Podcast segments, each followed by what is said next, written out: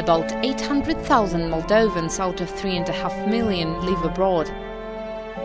We're in Moldova where people have been protesting against their government for months now. They say that the leaders of the country are corrupted. Moldovans will vote for a new president, hoping one day to be able to make a decent living in their own country. Welkom bij de 23e aflevering van Albanië tot Zwitserland. In deze serie kruisen we heel Europa door en dat doen we op alfabetische volgorde.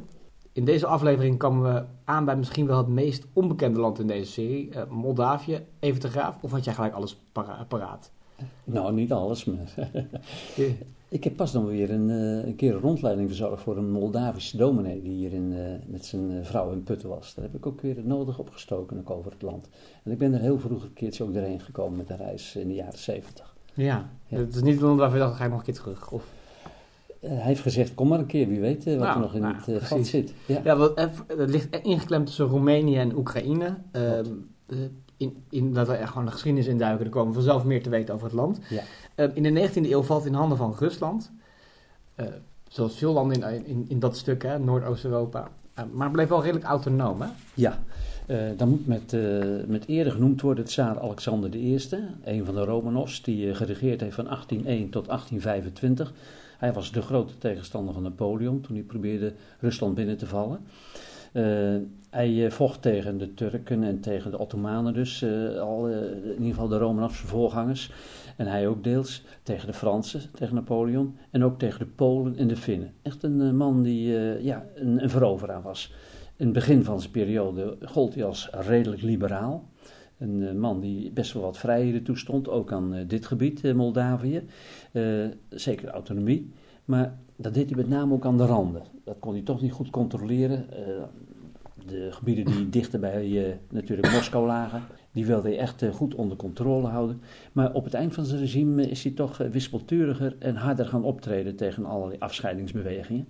En het is wel leuk om te vermelden dat er een, een Griek, in het Russische leger konden ook uh, Duitsers, Grieken, Engelsen, soms ook, ook Engelsen, vergis je niet, een hoge militaire functie bekleden. En het was een Grieks officier Ypsilanti, die wilde te vuur en te zwaard de Turken eigenlijk weg hebben van de Balkan. En die wist toen met een uh, handvol Russische soldaten wist hij dit gebied Moldavië binnen te vallen, om dat te heroveren op de Turken. En hij hoopte daarmee ook inderdaad dat uh, zijn land, Rusland, tenminste waar hij voor vocht, in strijd zou komen met de Turk. En dat is inderdaad toen ook gebeurd in de Russisch-Turkse oorlog van 1806 tot 1812, waardoor inderdaad ook de Russen dit gebied toen wisten te veroveren. Toen al een hele belangrijke generaal, die ook later tegen Napoleon geweldig veel indruk heeft gemaakt. Een van de meest roemrijke Russische generaals, Kutuzov. Die heeft toen een grote rol gespeeld bij de verovering van dit gebied.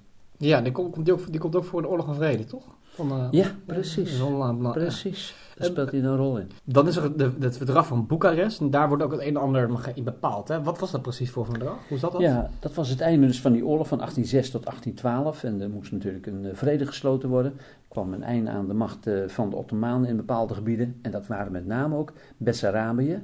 En ik kan nu al zeggen dat heeft niks met uh, Arabië te maken, maar dat heeft iets te maken met een bepaalde, ja, uh, weet het ook weer, functie, een, een, bepaald vorstengeslacht ook geloof ik dat er was, Bessarab. dus heeft niks met Arabieren te maken, maar Bessarabië wordt ook vaak gebruikt voor Moldavië. Dat gebied werd veroverd en een groot deel van Moldavië. En er moesten Turken weg en het werd toen inderdaad ook dus het eigendom van met name de Russen. En de Russen die wilden daar ook echt vrede hebben, want toen had je al dus 1812... En je weet het, op 21 juni 1812 vielen de Franse troepen ook Rusland binnen. Dus hij wilde aan die flanken wilde hij gewoon vrede en rust hebben. Want hij had zijn handen vol natuurlijk.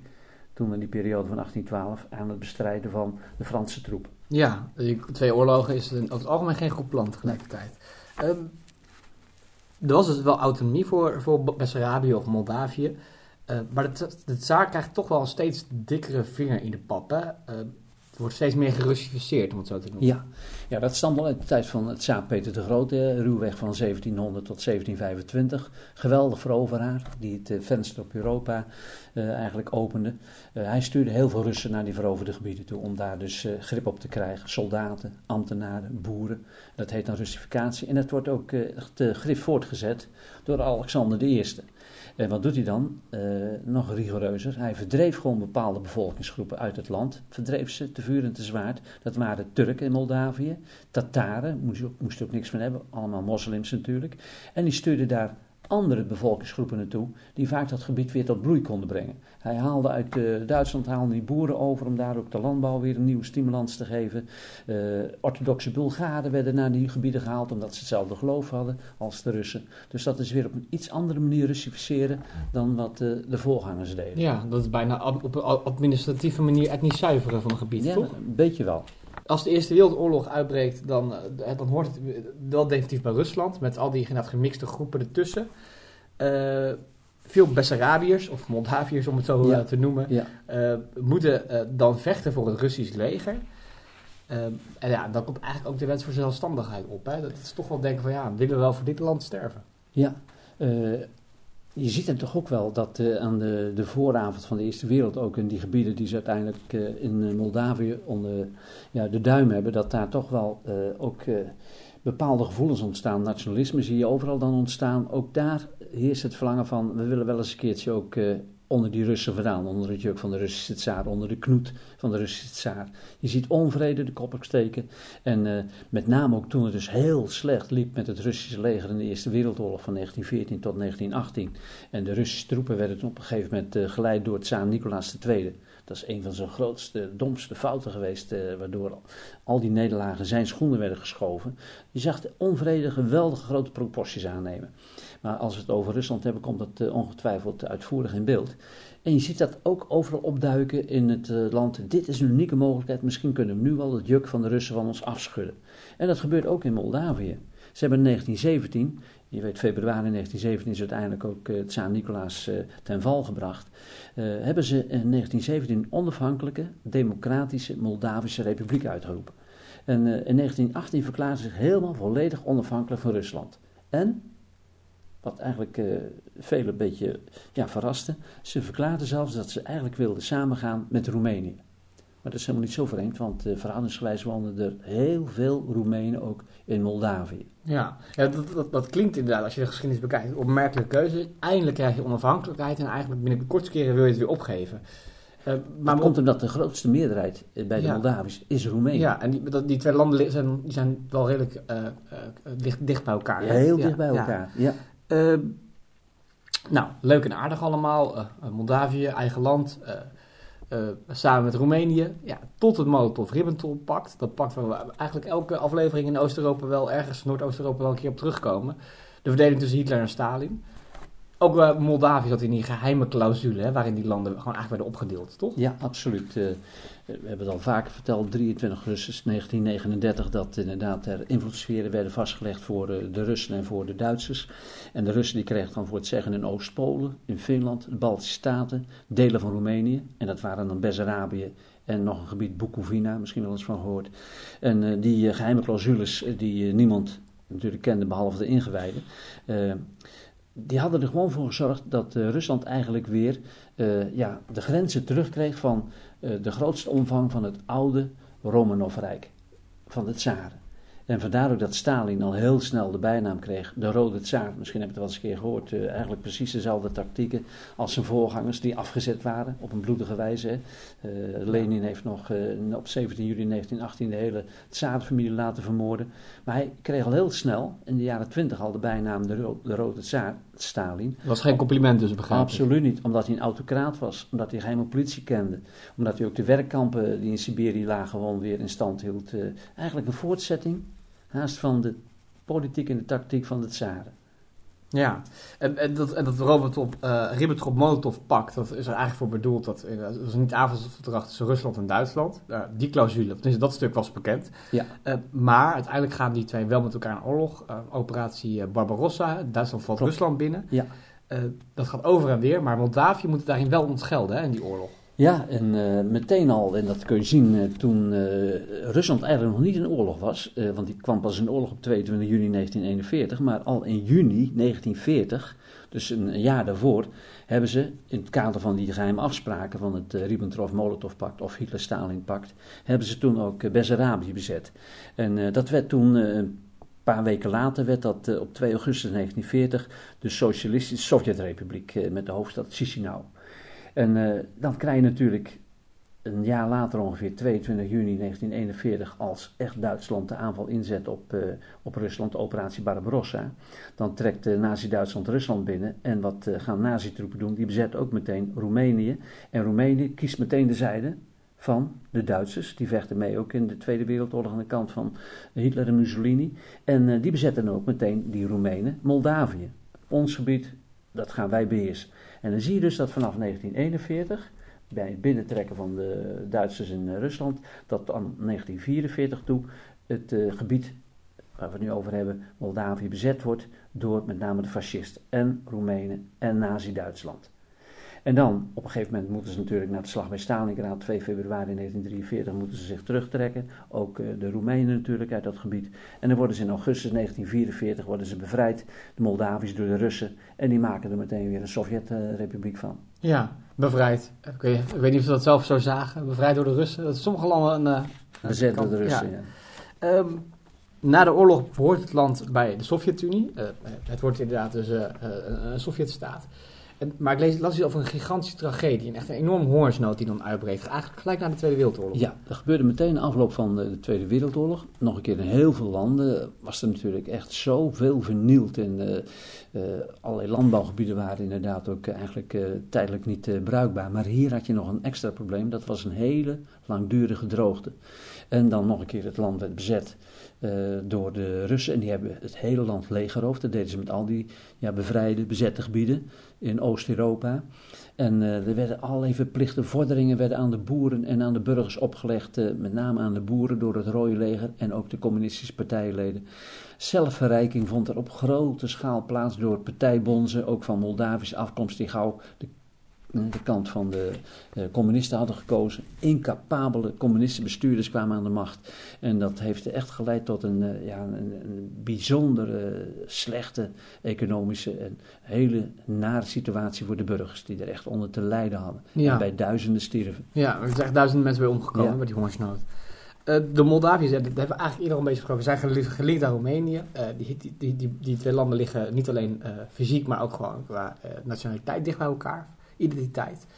De Sovjet-Unie probeerde dat uit elkaar te drijven, toch? Meer met meer Moldavische identiteit.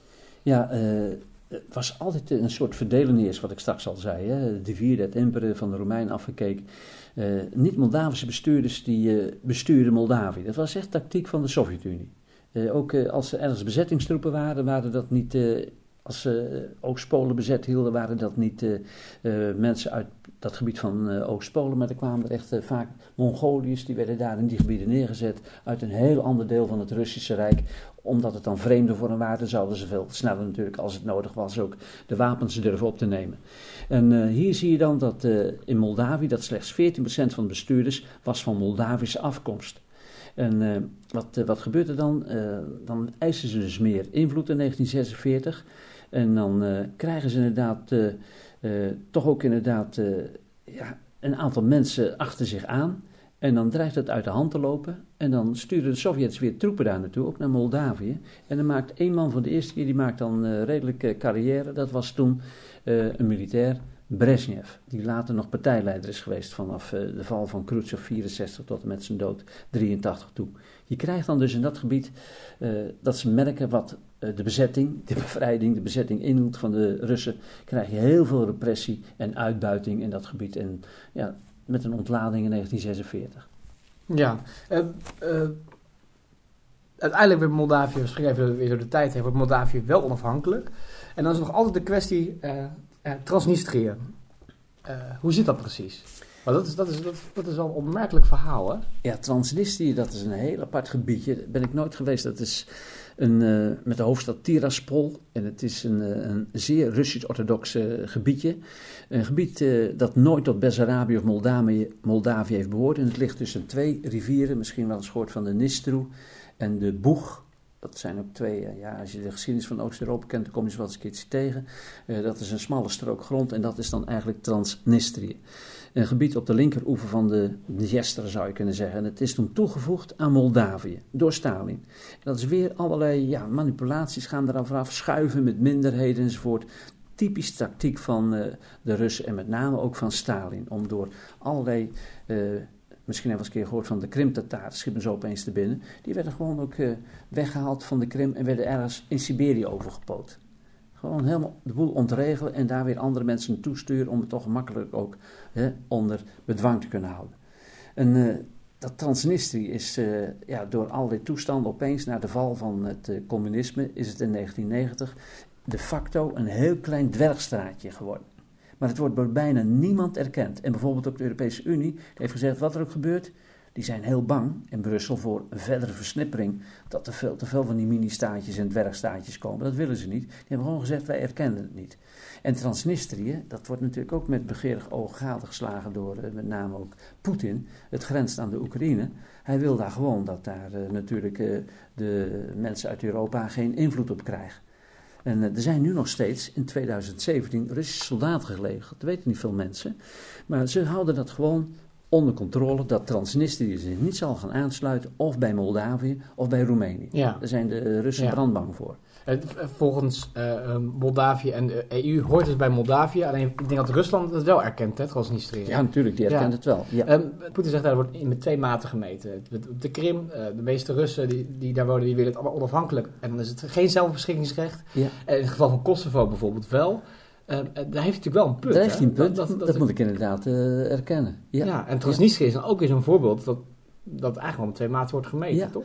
En ik denk dat als je, ja, nou het zijn misschien grote woorden, maar als je daar echt een referendum zou kunnen houden, dat heel veel, verrassend misschien, mensen zouden kiezen voor aansluiting met Rusland. Ja, ja. In ieder geval onafhankelijkheid waarschijnlijk. Ja.